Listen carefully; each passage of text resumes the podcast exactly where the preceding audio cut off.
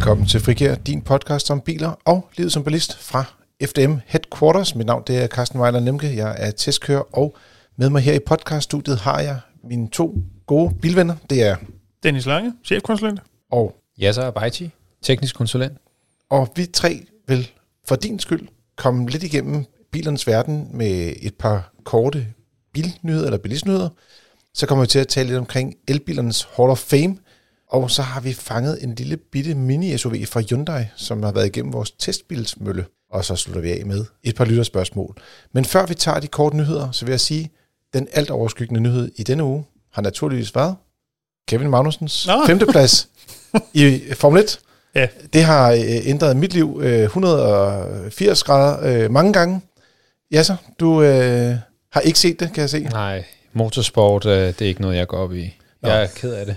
Til dig, kære lytter. Øh, hvis du vil have drama i dit liv, så følg med i Formel 1-sæsonen. Det er ikke noget, vi føler så tæt i FDM-regi, men jeg synes i hvert fald, det fortjener et lille shout-out her til vores allesammens Kevin. Nå, Dennis. hvad, Det, det, er sgu altid, det er altid fedt, når vi har en dansker i Formel 1, og især når det også går bare sådan nogenlunde godt for ham.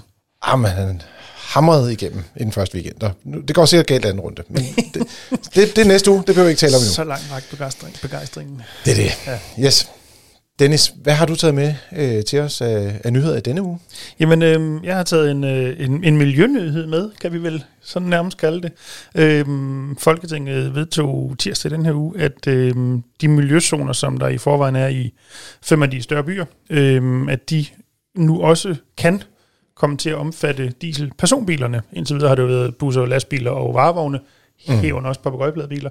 Øh, men det nye bliver så, at personbiler på diesel øh, også kan blive omfattet. Når jeg siger kan, så er det fordi, at det er op til den enkelte kommune, der har en- øh, miljøzonen i forvejen, om man vil inddrage de her biler også. Øhm, men sådan lidt, man kan sige på sigt, fordi lurer om de her fem by- byer ikke kommer til at gøre det, øh, så betyder det, hvis du har en, øh, en person dieselbil, som øh, ikke har et, øh, hvad hedder det, Partikelfilter. så øh, må du ikke køre ind i miljøzonen. Det kommer i hvert fald til at koste en bøde, hvis du gør. Og så har vi også lavet en lille oversigt over, hvor mange biler, der rent faktisk er indregistreret i de pågældende kommuner, altså København, Frederiksberg, Aarhus, Odense og Aalborg.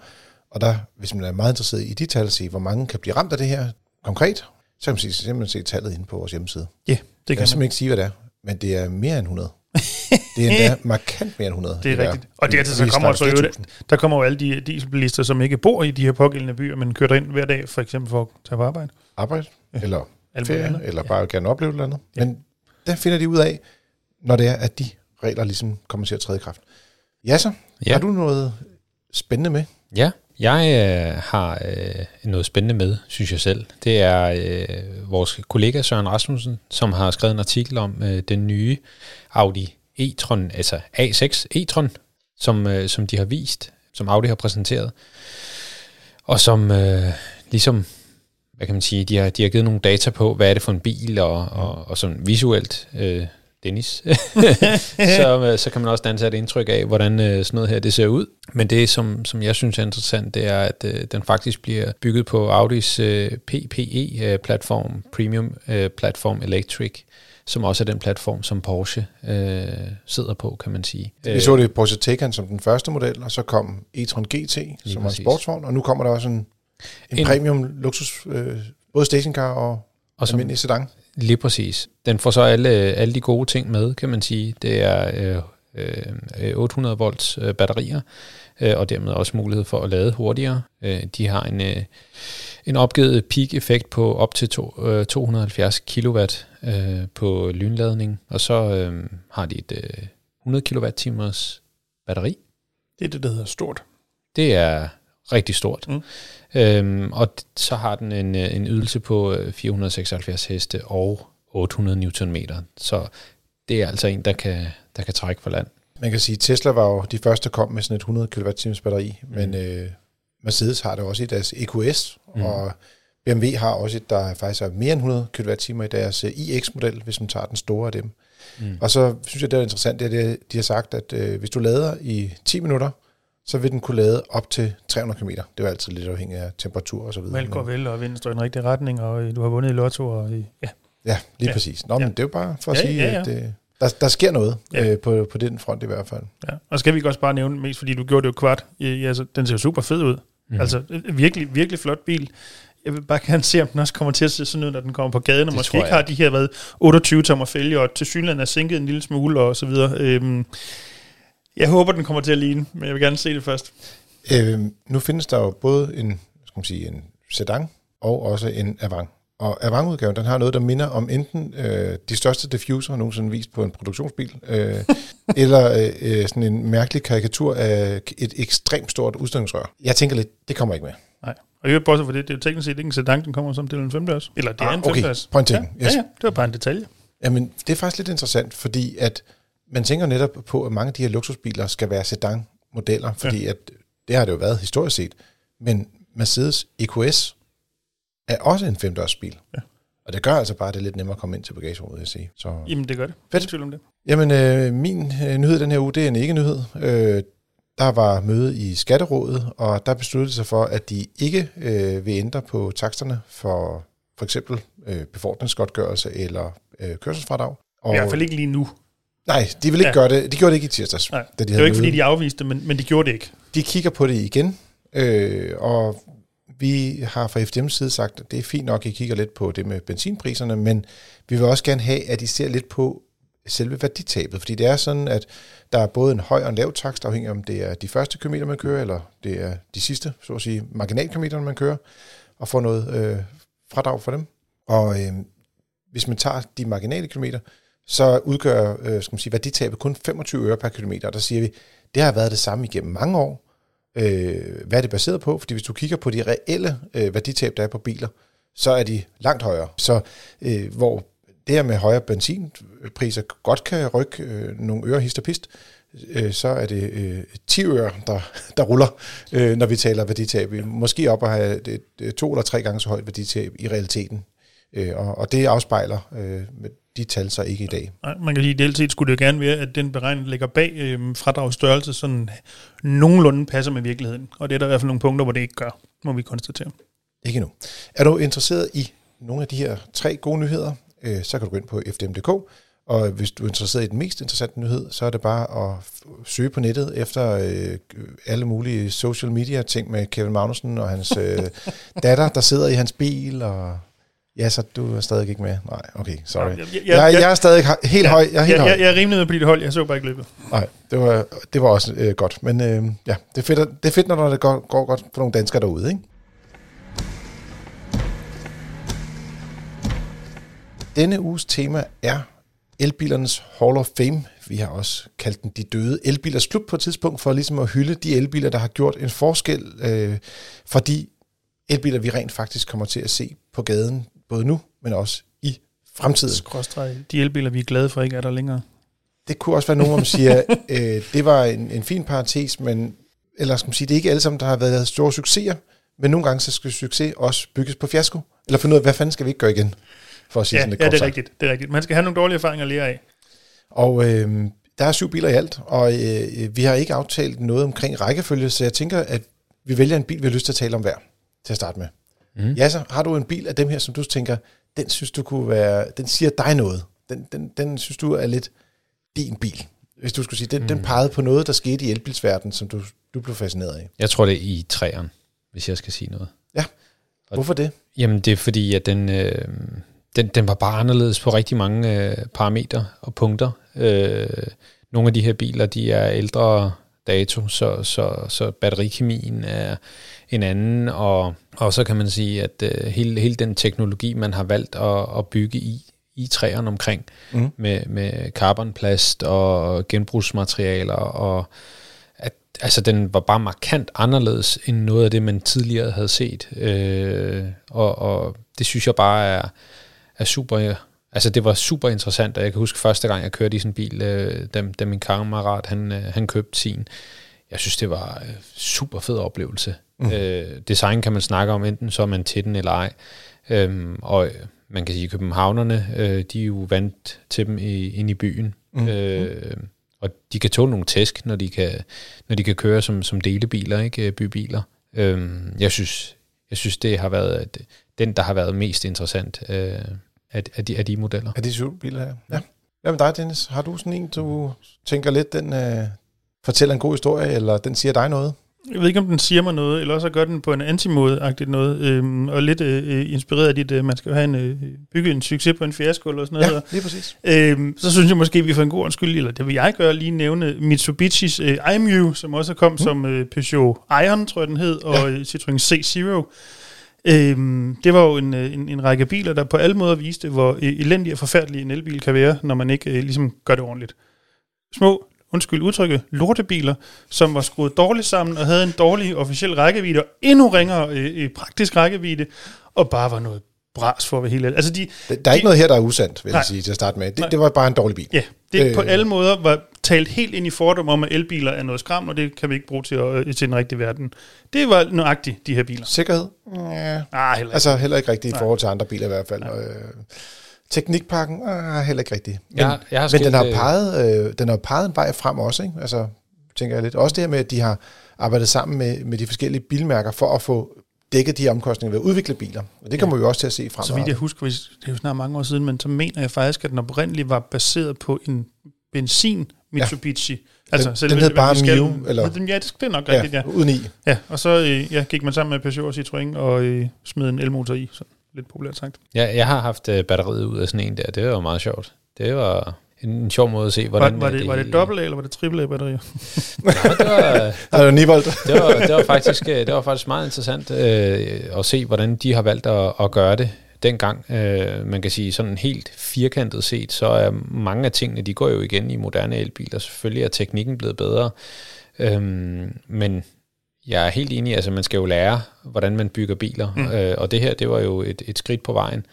Øh, og nogle af de batterier, den, den batterikemi, man har brugt i nogle af de her biler, det er faktisk en, en rigtig stærk kemi, øh, som, som kan holde længe. Øh, så altså, det er ikke de, de mest fancy batteripakker, men, men de, øh, de holder længe.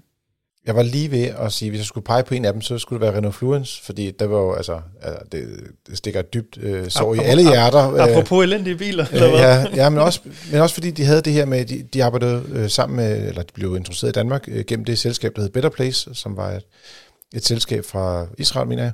Ja. Øh, men, men det har ikke noget med landet at gøre. Men det var mere bare for at sige, øh, det her Better Place-projekt, det var jo, at man så lejede øh, batteriet af dem, og så kunne man så også køre hen og bytte det nogle steder. Ja, de her batteriskiftestationer, ja, der kom og det var der på håndfulde steder. ingen, der øh, fulgte efter. Så det vil sige, de endte med at have en bil, der kunne gøre det, og det blev, altså, det blev en kæmpe fiasko. Altså. Ja.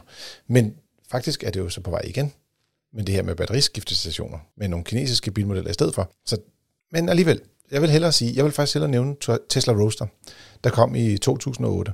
For Tesla har jo ligesom vist, at elbiler er cool, og at elbil er noget, man kan aspirere imod, og det faktisk er fedt, og det ikke kun handler om, øh, skal man sige, øh, Mitsubishi Aimu. Altså, hvis mm. du sagde, det var øh, spydspidsen af den elektriske garde, så, så stoppede den fest lynhurtigt, ikke?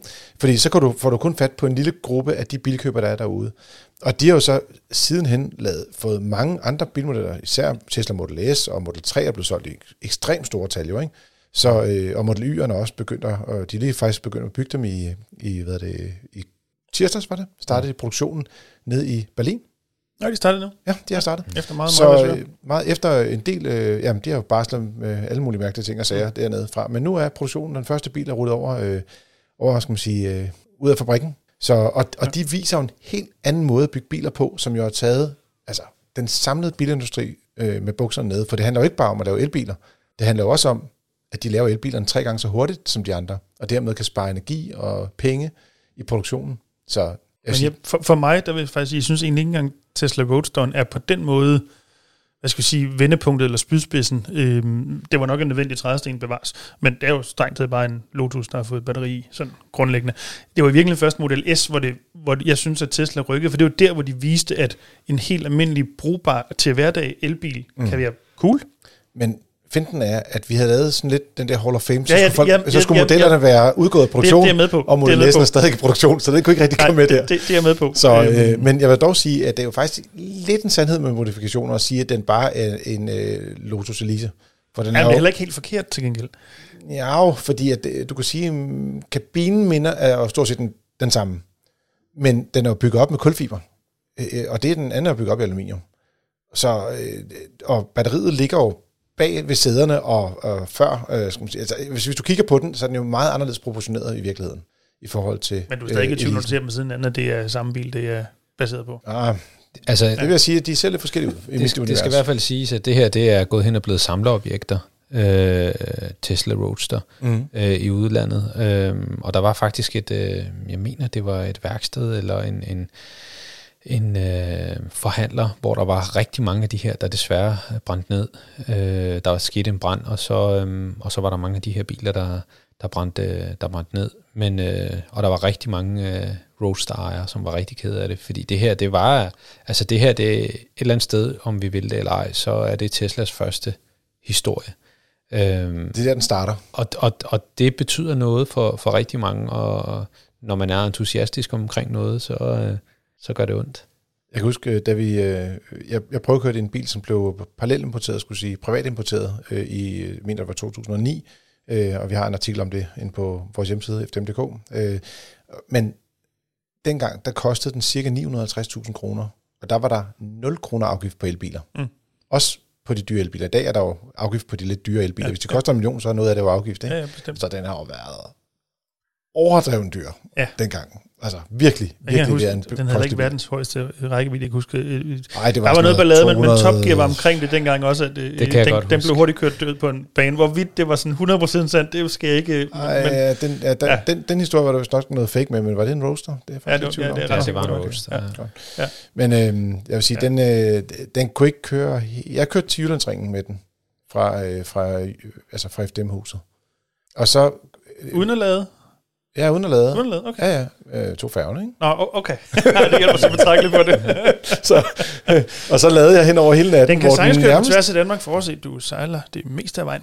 Jamen, det er jo bare for at sige, der er altså sket meget siden 2009, ikke? Fordi Ja. dengang, altså, der var jo ikke nogen steder, man rigtig kunne lade. Nej, nej, nej, og overhovedet øh, så havde jeg sådan, jeg havde lånt nogle lader af dem, der ejede bilen, og øh, skulle sætte dem til sådan en eltavle, og så kunne vi lade sådan, du ved, en lille bit smule strøm og sådan noget. Altså, det var håbløst dengang. Der vil jeg sige, der er vi kommet langt. Ja. Det, jeg så til gengæld synes, der er lidt interessant, det er, at Tesla Roadster var jo på alle måder en, en, en, en, hedder det en sportsvogn med lidt måske fældet udtryk. Ja. Dem er der jo ikke kommet på elbilfronten sådan endnu i hvert fald sindssygt mange af efter. Der var, øh, Mercedes havde den her, jeg tror du nævnte i artiklen også, øh, SLS elektriske, det var den, der i hvert fald også kom i en Ja. meget, meget, meget, meget grøn udgave, eller neongul næsten. Neongul, ja. Ja. Og, og, og, og, hvad er det? Og de sagde, vi ville bygge, og sådan, de indikerede omkring 100 biler. Men hvor mange tror I, de byggede? 10. 9. det var meget tæt Det var på. meget tæt på. Men, men, men det viser også lidt, at det var bare for tidligt. Men Ja. de kommer, de her er superbiler, ikke- og man kan jo se, der er jo øh, også i, øh, skal man sige, øh, nu skal jeg lige tænke mig om, jeg kigger over på Yasser, fordi at du, du kan altid det der nørde noget med elbiler. Der, ned er det, det tidligere Jugoslavien, der er der en gut, der bygger nogle, Rimac hedder det. Rimac. Der var, Ja, ja, ja. Altså det, det viser jo bare, at der kommer de her hyper elbiler, ja. og øh, hvad det, det kommer, altså det kommer fra alle sider øh, fra nu af. Bugatti kommer med det, øh, Rolls Royce har sagt, de også kommer med der, en elbil, nu ved godt, det ikke er en hyperbil, mm. men det er en ekstremt dyr bil, og, øh, men den skal nok få nogle ja. vilde specs også. Ikke, altså, bevares, det er også, jeg ved ikke, om det er så sportsvogn, det er måske netop er hyperbiler. Det fylder ikke helt samme rum, som måske Tesla Roadster gjorde, altså sådan et, du ved, måske lidt mere opnåelig sportsvognsbil, eller Mazda MX-5-agtigt noget. Ja, Men jeg, De er slet ikke kommet nu. Nej, Altså. at den skal nok komme på et tidspunkt, Nej. Som vi før snakker om. Alle de her forskellige nicher skal nok blive fyldt ud undervejs. Øhm, men det var ligesom, man kan sige Model S, nu ved jeg godt, den ikke er udgået nu, så vi ikke må snakke om den, men der er jo fuldt mange efter, som er i samme, øh, i, i samme segment. Det er der ikke så meget på Tesla Roadster-fronten endnu. Jamen, du kan jo sige, reelt er det først nu, at Audi kommer med en, med en A6. Mm, Mm, ja. ja. Den er jo lige sådan talt om. Og EQE'en fra Mercedes lander også først i år. Ja. Og BMW er ikke kommet med deres model nu. Så Volvo, de har heller ikke lanceret en elbil op i den klasse. Nej. Nej. Så der er ikke mange elbiler endnu. nej, nej, altså, nej. Der, der er virkelig mange huller og nischer, der skal fyldes ud på den Bestemt. konto. Bestemt.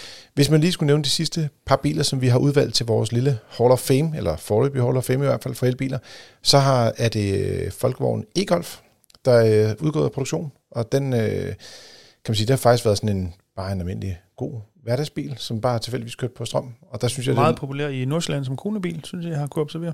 Helt for min egen regning. ja, og øh, faktisk også øh, parallelimporteret fra Tyskland i helt ekstrem grad sidste år. Øh, der er blevet rigtig mange. Jeg tror, det var den næsten mest importerede elbil sidste år. Øh, Det var enten sidste år, eller også var i starten af det her år, mm. øh, hvor den var lige efter Tesla Model 3. Og så øh, Citroën øh, Berlingo Electric, øh, og den har vi taget med lidt for at hylde øh, Citroëns generelle, øh, skal man sige, øh, satsning på elbiler lige omkring sådan slutningen af 90'erne, starten af 0'erne. Der kom de både med noget Saxo og noget AX-model, og så også den her Balingo i to udgaver. Men det var også noget, der, jeg skal man sige, det kom de ikke så langt med. Det var i den grad niche-modeller, tror jeg godt, vi kan kalde det. Øh, batteriteknologien i Balingoen, det er nickel-cadmium, som jeg mener var den samme øh, batteritype, jeg havde på mine øh, fjernstødbiler. Det var det i hvert fald, da jeg havde fjernstødet bil, Yes. kan jeg huske. Så, men hvis du vil læse lidt mere om de forskellige syv biler, som vi mener har fortjent en, øh, en plads i elbilernes historie, så kan du gå ind på fdm.dk. Du kan også finde et link her inde i podcasten. Så er det tid til at kigge på biler. Igen, igen skulle man sige.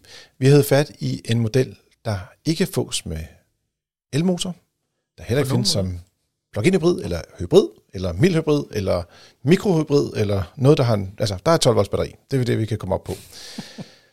Hyundai øh, Bacon, som den ikke hedder, den hedder Hyundai Bayon, øh, er en mini-SUV, og øh, det er faktisk en af de største bilklasser øh, i Danmark. Øh, der er rigtig mange, der er interesseret i de her. Og på den måde, ja, Ja. okay. Ja. Der er blevet solgt mange af dem. Øh, det er ikke den største bil, Nej, det, men det, var, øh, det var, du salgstal, videre kort øh, yes. Ja. Øh, og den erstatter øh, den model, der tidligere hed iX20. Og øh, ja, man må sige, det er helt klassisk. Benzinmotor alene, der er ikke noget diesel længere. Det er jo også uddødet øh, i den her klasse i hvert fald. Øh, der findes to øh, benzinmotorer, en uden turbo og 84 hestekræfter. Og ellers så kan man bruge 10.000 kroner mere, og det er nok de bedste 10.000 kroner, man kan bruge i sit liv øh, i det her tilfælde. Og så få en 1 liters turbomotor med 100 heste. Men det er ikke bare hestekræfterne, der er interessante, det er jo måden, motoren trækker på. Vi har testet en Hyundai Bacon 1.0 øh, TGDI Automatic Advanced til 255.000. Den er lige steget 5.000 kroner, siden vi havde den til test, så jeg har lige måttet justere prisen op her i vores podcast. Nå, dreng, hvad siger I så? Altså, det er jo ikke, og det prøver den jo heller ikke på at være, det er jo ikke verdens mest spændende bil.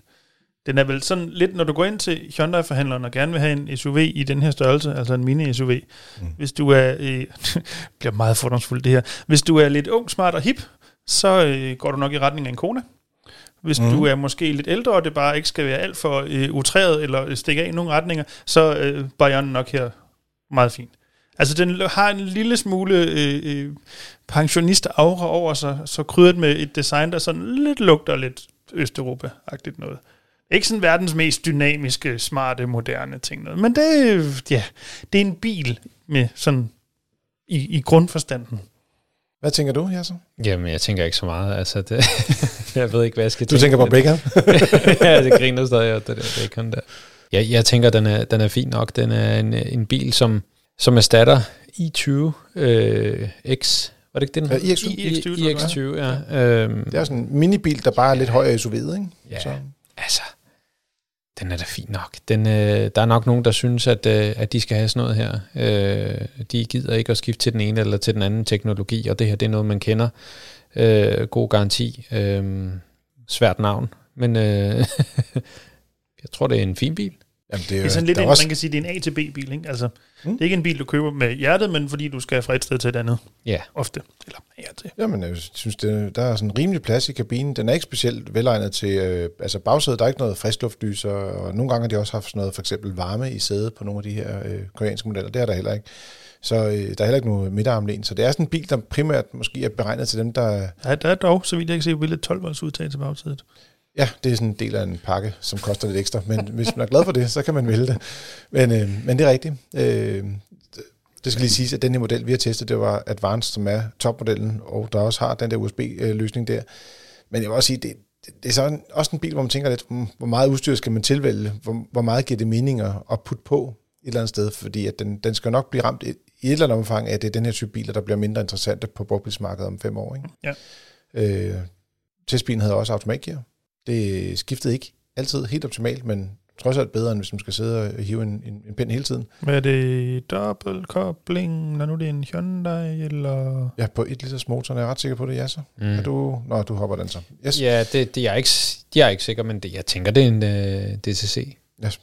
Og øh, så øh, koster 20.000 kroner ekstra, men jeg tror faktisk, det er en af de ting, man vil være glad ved, når man vælger den her model, og især hvis man er i det marked, hvor vi siger, at det er ældre mennesker, som er, øh, hvor man er to tilbage, og du ikke rigtig bruger bagsædet så meget, du har et stort bagagerum på mere end 400 liter, øh, du har en god lang garanti, øh, der tror jeg, at det automatgear, det vil passe, passe rigtig godt ind faktisk. Så øh, det er ikke optimalt, men det, noget, jeg vil gå efter. Øh, og så har vi også noteret, at det er sådan lidt en ældre betjening af bilen. Altså, der er 53 knapper i alt omkring føreren, og der kan man sige... Den, den ligner også som biler så ud for 5-10 år siden indeni. Ja. Altså, det var den måde, man lavede interiør på dengang. Sådan ser den ud.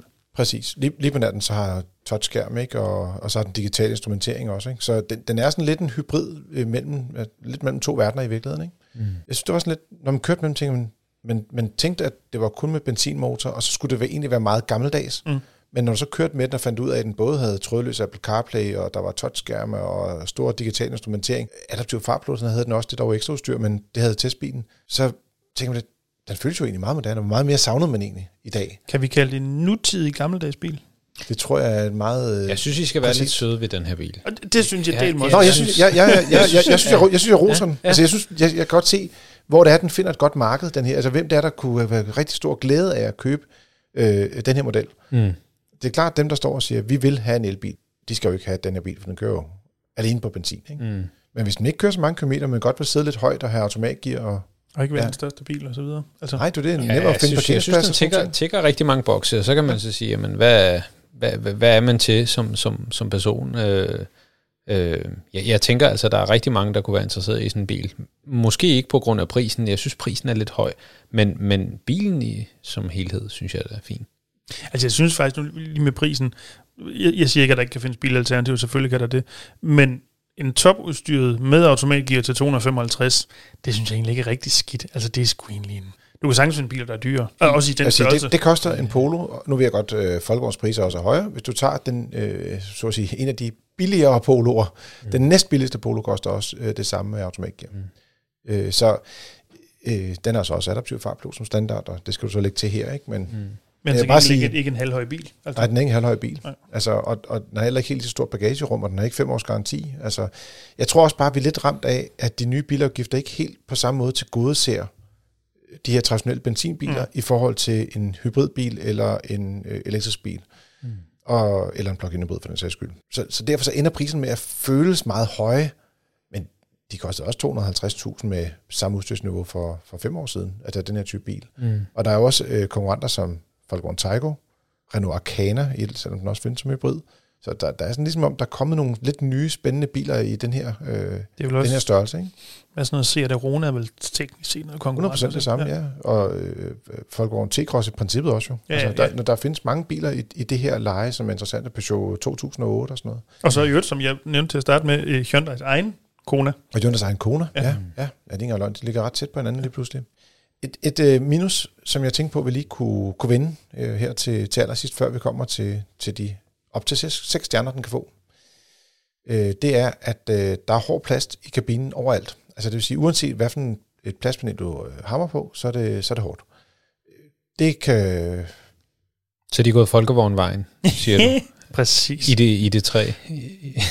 Ja, det kunne du godt sige. Det, Folkevogn, de går i alle mulige retninger. Jo. Ja, men altså, det er de jo også det, det, er også det, genintroduceret T-rocken med mere bløde materialer og sådan noget. Så, ja. ja, altså, de, de har jo også uh, fået rigtig mange klø for det der, ikke? Ja. Uh, men men er, det, er det skidt, at det er hård plast? Jeg føler mig overbevist om, at hvis det er lavet ordentligt, så skal hård plast sådan set nok holde. Altså det er ikke fordi, det går hurtigere stykker, mm. men hvis vi snakker om sådan oplevet fornemmelse af lækkerhed, og i, i, ah, luksus er måske et meget flot ord koblet på en bil som den her, og så mange andre, men det føles bare mindre lækkert, når det er hård plast hele vejen rundt, end når der lige er lidt soft touch material. Ja, jeg kunne godt tænke mig nogle genbrugsmaterialer af et eller andet art. Øh, sådan et eller andet, som, som, som øh, i træerne, som vi talte om før. Ikke? Altså, som fortæller jo, lidt historie, tænker du? Ja, mm, også bare, at, at jamen, det er jo genbrugsmaterialer, øh, men der må også gerne være noget, noget, noget, noget, noget lækkerhed og noget kvalitetsfornemmelse i bilerne. Ikke? Fordi det der hårde plast, altså, det kan godt gå hen og blive rigtig tavligt. Øh, det synes jeg i hvert fald selv. Og du, kan lytter, du har sikkert også din egen holdning til det. Øh, om ikke andet kan du ind og læse vores øh, komplette anmeldelse af modellen på fdm.dk eller motor.dk, så kommer du lidt tættere på vores øh, biltest. Vi gav den fire stjerner. Det er meget standard øh, karakter. 4 stjerner ud af 6. Ja. Yes. Så det er sådan, øh, hvor vi også til gode ser, det skal sige, lidt det her med, at den er jo ikke elektrisk, men den, den tigger alligevel nogle boxes, og har også nogle, øh, en god lang garanti. Så skifter vi spor over til lytterspørgsmålene, og som altid kan du skrive til podcast hvis du har et spørgsmål. Og vi har fået et fra Rabia, Han skriver tak for et fantastisk program. Jeg skriver for Aarhus, og jeg har et spørgsmål omkring den nye Mercedes EQE. Jeg har hørt i en YouTube-video, at der ikke er varmepumpe i modellen, men han regner med at købe en elbil om cirka 6 måneder, og enten skal det være en EQE, eller også så kunne han godt tænke sig en Q4 e-tron Sportback. Det er en model, der allerede er på markedet, kom faktisk sidste Den her efterår. kopie-udgave af den almindelige Q4 e-tron. Præcis. Ja. Så det er sådan to lidt forskellige ting. Og øh, så han vil godt høre vores mening og synspunkter i forhold til, hvad der vil være det bedste køb, ud fra det, vi kender til dem. Og han har ikke noget behov for at, at trække noget. Det er den eneste ting, vi har at gå efter her. Øh, det er selvfølgelig to øh, meget forskellige biler. Øh, en luksus sedan eller en høj SUV. Øh, de kan jo nok godt ende nogenlunde samme prisleje. Og i forhold til øh, varmepumperne, der har vi jo ikke de endelige specifikationer for EQE'en i Danmark, så det kan vi ikke udtale os om. Det skal vi nok vende tilbage til. Det kan meget vel være, at øh, når den, dem, der bliver solgt i Spanien for eksempel, ikke kommer med varmepumpen som standard, men dem, vi får heroppe i Norden, har. Det ser man jo fra andre bilmærker i hvert fald. At, øh, Ja, eller også så kan det du sige, det, øh, det er jo heller ikke sådan, at du bare siger, nu får prisen af 600.000, øh, og så varmepumpe eller ikke varmepumpe, det påvirker ikke prisen. Vel? Altså, Nej, nej, nej, altså, nej, nej. det, det kommer jo til at være en del af, af den måde, de pakker bilen på i forhold til at sælge den herhjemme. Så. Mm. Men hvad tænker I? EQE kontra øh, Q4 Sportback? Hvad skal Rabia gå efter? Jamen altså, jeg kan, jeg kan godt starte. Jeg, øh, jeg har jo ikke prøvet EQE'eren, så, så Ja, det er der ikke så mange, der har jo. Så. nej, så, så, og, og det er jo svært at sige noget om noget, man ikke har prøvet. Øhm, men jeg har prøvet EQS'eren, øhm, som jeg synes kører rigtig, rigtig godt, men den koster også en milliard million, så det, det er jo ikke sikkert, at den, det er den, altså hvad kan man sige, at den er sammenlignet. Jeg tror kun, det er en million, vil jeg sige. Ja. Men ja, det, Ja, men det gør den her faktisk også, hvis du skal have den i den store variant. var det, Ja. ja. Kan det være, at jeg så den bud af den starter, var det 700.000 i Q1, Ja, så vidt jeg husker, for Ja. ja. den for mindste. Den, for den foreløbig mindste. Ja, ja, så, så det, det, jeg, jeg tænker også, at så, jo dyrere bilen er, jo flere penge skal du forvente at tabe. Det, det er i hvert fald noget, jeg, jeg vil kigge på. Øhm, så det kan godt være, at EQE'en måske er bedre på rigtig mange punkter. Øh, måske mere strømlignet, kører længere på en kilowatt-time osv. Og lad os antage, at den kommer med varmepumpe, som både EQA'eren og øh, hvad hedder den? EQB. EQB øh, også øh, kommer med. Så synes jeg faktisk, man skal ligesom prøve, øh, prøve begge biler og se, hvorfor, no, hvorfor en af dem, der passer til ens øh, behov og, og dækker dem bedst. Jeg tror, at hvis det var mig selv, så ville jeg vælge Q4'eren. Øhm, fordi at den formodentlig er billigere, øh, og dermed så er der et øh, mindre værditab. Dennis? Jamen, jeg vil igen På lidt, det, spidsen? det, er, jo- det er jo lidt svært, når man ikke har øh, øh, andet end set billeder end øh, EQE. Øhm, men med det forbehold, og primært baseret på, at jeg synes, at Q4 e-tron Sportback er frygtelig grim, øh, så vil jeg gå med EQE'en. Øh, Mm. mm. jeg har, det er meget få af de der øh, SUV Coupé-udgaver, jeg er stor fan af, og øh, Q4 e-tronen er ikke en af dem, jeg er fan af. Øh, jeg synes sgu ikke, den er særlig godt ser særlig godt ud. Så derfor vil jeg gå med EQE'en. Er du også mere begejstret for EQE-designet end EQS? Øh, Altså, jeg det- er fuldstændig nøjagtig en ting lige så begejstret, fordi du har taget en EQS, og så har du smidt tegningerne i kopimaskinen og trykket øh, 80%, og så øh, bang, så har du en EQE. Både indvendig og udvendig. Godt. Der er ingen forskel. Jamen, så tager jeg 80% af køreoplevelsen for EQS'en med i den her betragtning, øh, og, øh, i forhold til min vurdering. Jeg vil sige, det jeg synes, der øh, nu er en, en S-klasse jo altid, eller en EQS'er, er jo altid større og mere komfortabel end en E-klasse vil være. Men jeg har Jo, jo. dog aldrig oplevet en E-klasse, eller det der bliver EQE, når det er elektrisk, værende ukomfortabel. Så hvis man kører mange kilometer, så tror jeg, jeg vil gå den retning. Simpelthen bare for at få den mest komfortable bil. Men jeg kan også godt følge lidt, altså jeg må også sige, personligt har jeg været meget glad for, for øh, Q4, også selvom det ikke er en sportback. Nå, men havde, havde det ikke været Sportback, så kan det godt være, at jeg havde lignet den anden vej. Måske. Måske. Måske.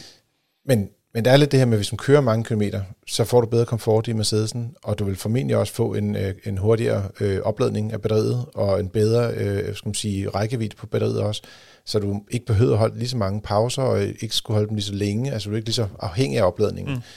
Øh, det, det kunne godt øh, tegne på, at man skulle gå i den retning. Øh, men der er noget økonomi i det også, og jeg vil sige, jeg synes faktisk, at man kan få rigtig meget lækkert udstyr også til en, øh, en Q4 øh, Sportback, og altså, den kan spækkes ret voldsomt op i udstyr, fordi den er en billigere model i forhold til EQE'en, så det, det vil jeg tage med i overvejelsen. Så hvis man kører lidt, vil jeg nok kigge på Audi'en, tage den.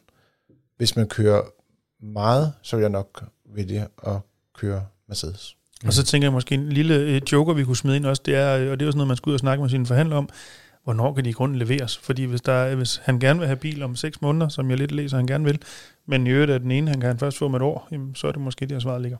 Ja, jeg tror faktisk, eftersom den ene ikke engang er lanceret endnu Mm, jo, jo, jo. herhjemme, så tror jeg, Mercedesen øh, er nok den, der er sværest at få fat på.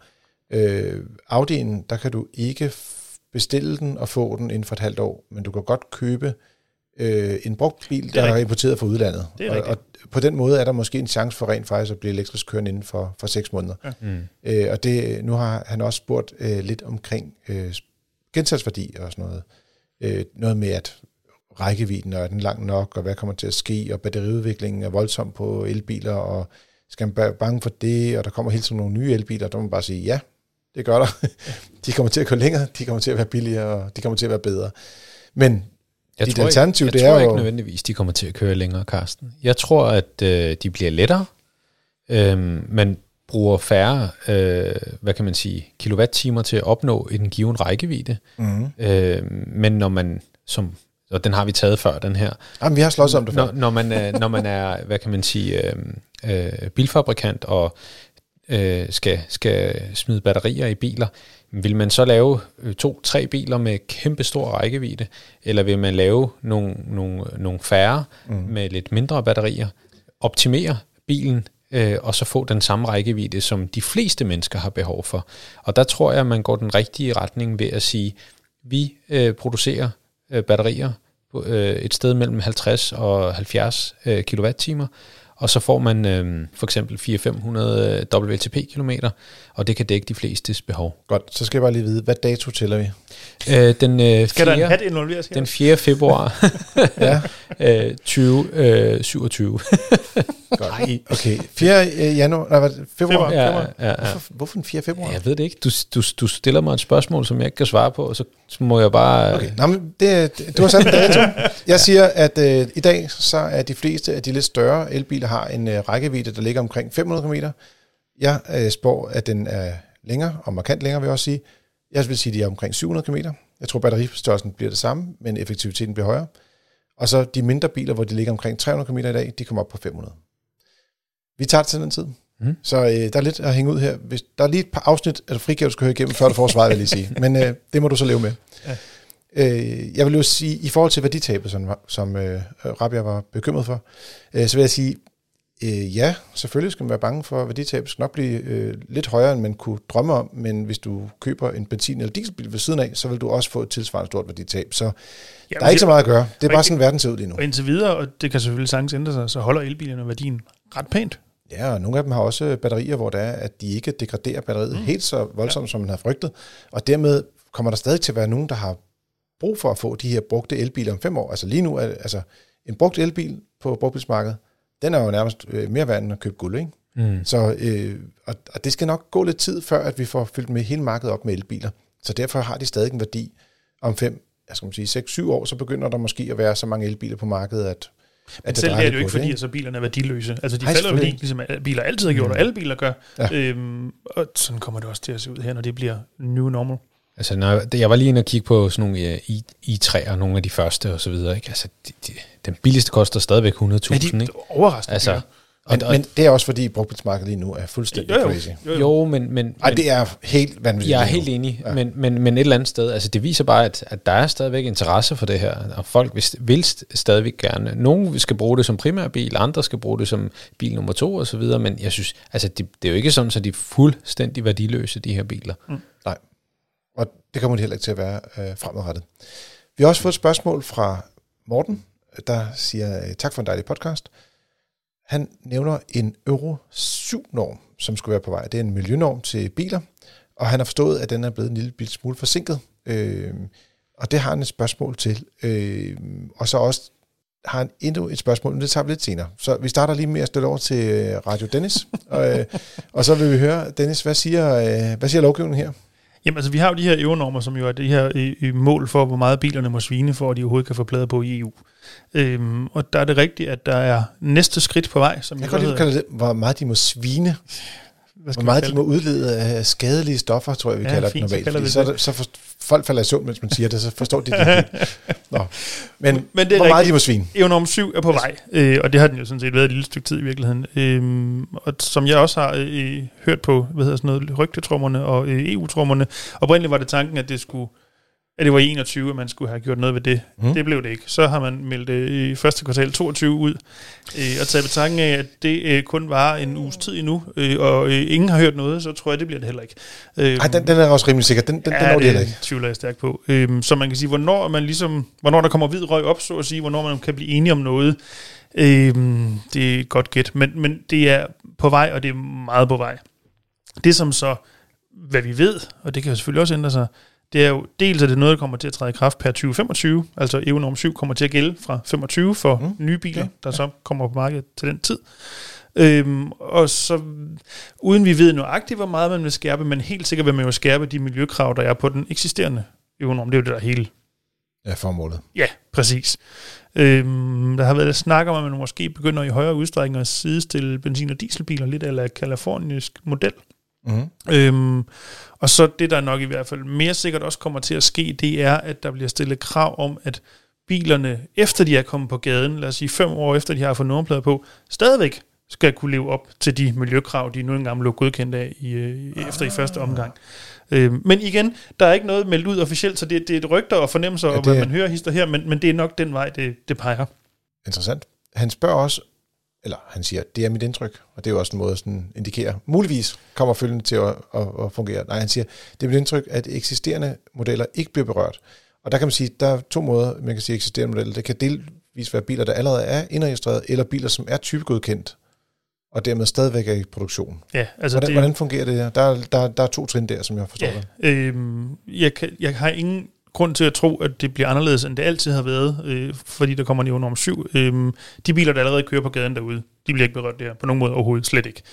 Øhm, de biler, som, lad os, hvis nu vi holder fast i det 2025, at det jo norm 7 træder i kraft, de biler, som er typegodkendt inden 2025 inden skæringsdatoen, men stadig ikke har fået nummerplader på, Mm. der bliver der typisk en grace period, typisk på to år, hvor de stadigvæk kan indregistreres på den gamle norm, så at sige. Og så er der så en, en endelig deadline på, at alle nye biler, altså ikke kun alle nye typer biler, men alle nye biler skal leve op til, til normen. Sådan plejer man at gøre det.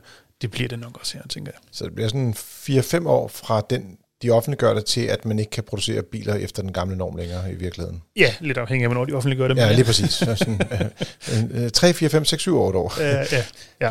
4. februar 2027. Jeg har sagt det. Og det var der datoen kom fra. Det er den dato, der er den ekstra dato. Så ja, men øh, du har lyttet til Frigir. Det er jo din podcast om biler og livet som bilist. Husk at give os en masse stjerner i din podcast-app. Anbefal os gerne til en ven. Og har du et spørgsmål, som enten Morten eller Rabia, så kan du sende den til os på podcast.fdm.dk, så svarer vi efter bedste formåen. Tusind tak, Jasser. Velbekomme. Og øh, skal vi have et vedmål? Der, eller er det bare en ære? Jeg tror bare, den er. Det er også det værste. Ja. Det, det, altså, der er nogen, der siger, at tabe 1000 kroner, det er slemt, men det er meget, meget, meget øh, slemmere at tabe med jer. Ja. Men sige. meget bedre at vinde 1000 kroner. Det er meget bedre at vinde 1000 kroner, Dennis. Det er nok rigtigt. Det er måske dig, der skulle være hos økonomiske rådgiver herinde fremadrettet. Men også tak til dig, Dennis, for at være med. Og Tak til dig, kære lytter. Tak fordi du lyttede med, og god tur derude.